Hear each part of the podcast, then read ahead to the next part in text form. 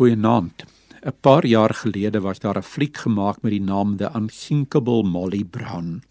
Dit handel oor die arm dogtertjie Molly wat gedetermineerd was om uit haar omstandighede op te styg deur met 'n ryk man te trou. En toe sy vir Johnny Brown wat pas sy geld gemaak het uit die Colorado silwermyn ontmoet, het sy nie gras onder haar voete laat groei nie en sy het met hom getrou.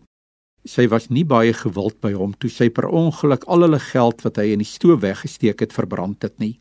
Hulle het egter nie gaan lê nie en Johnny het kort daarna weer goud ontdek wat die egpaar weer deel van die adel in Denver waar hulle gebly het gemaak het. Geld kon egter nie geluk koop nie en na hulle uitmekaar is vertrek sy Europa toe. Sy besluit om terug te gaan Amerika toe en word toe 'n passasier op die Titanic en word later die Titanic se bekendste oorlewende. Die apostel Paulus is die Nuwe Testament se weergawe van die unsinkable Molly Brown. Soos Molly het Paulus geweier om saam met die skip onder te gaan, letterlik geweier. Hy was 3 maal passasiers op bote wat in stormweer vergaan het en het 'n volle dag of soos hy dit stel 'n dag en 'n nag in die oop see gedryf. Hy het nog 'n paar probleempies op sy lewenspad gehad. En as jy dink dit wat dat dit nie so erg was nie, laat hulle jou bietjie met klippe probeer doodgooi of stenig, soos 5 keer in Paulus se geval, of laat hulle jou bietjie met vuiste of stokke of net met woorde slaan, dan sal jy iets verstaan van oorlewing.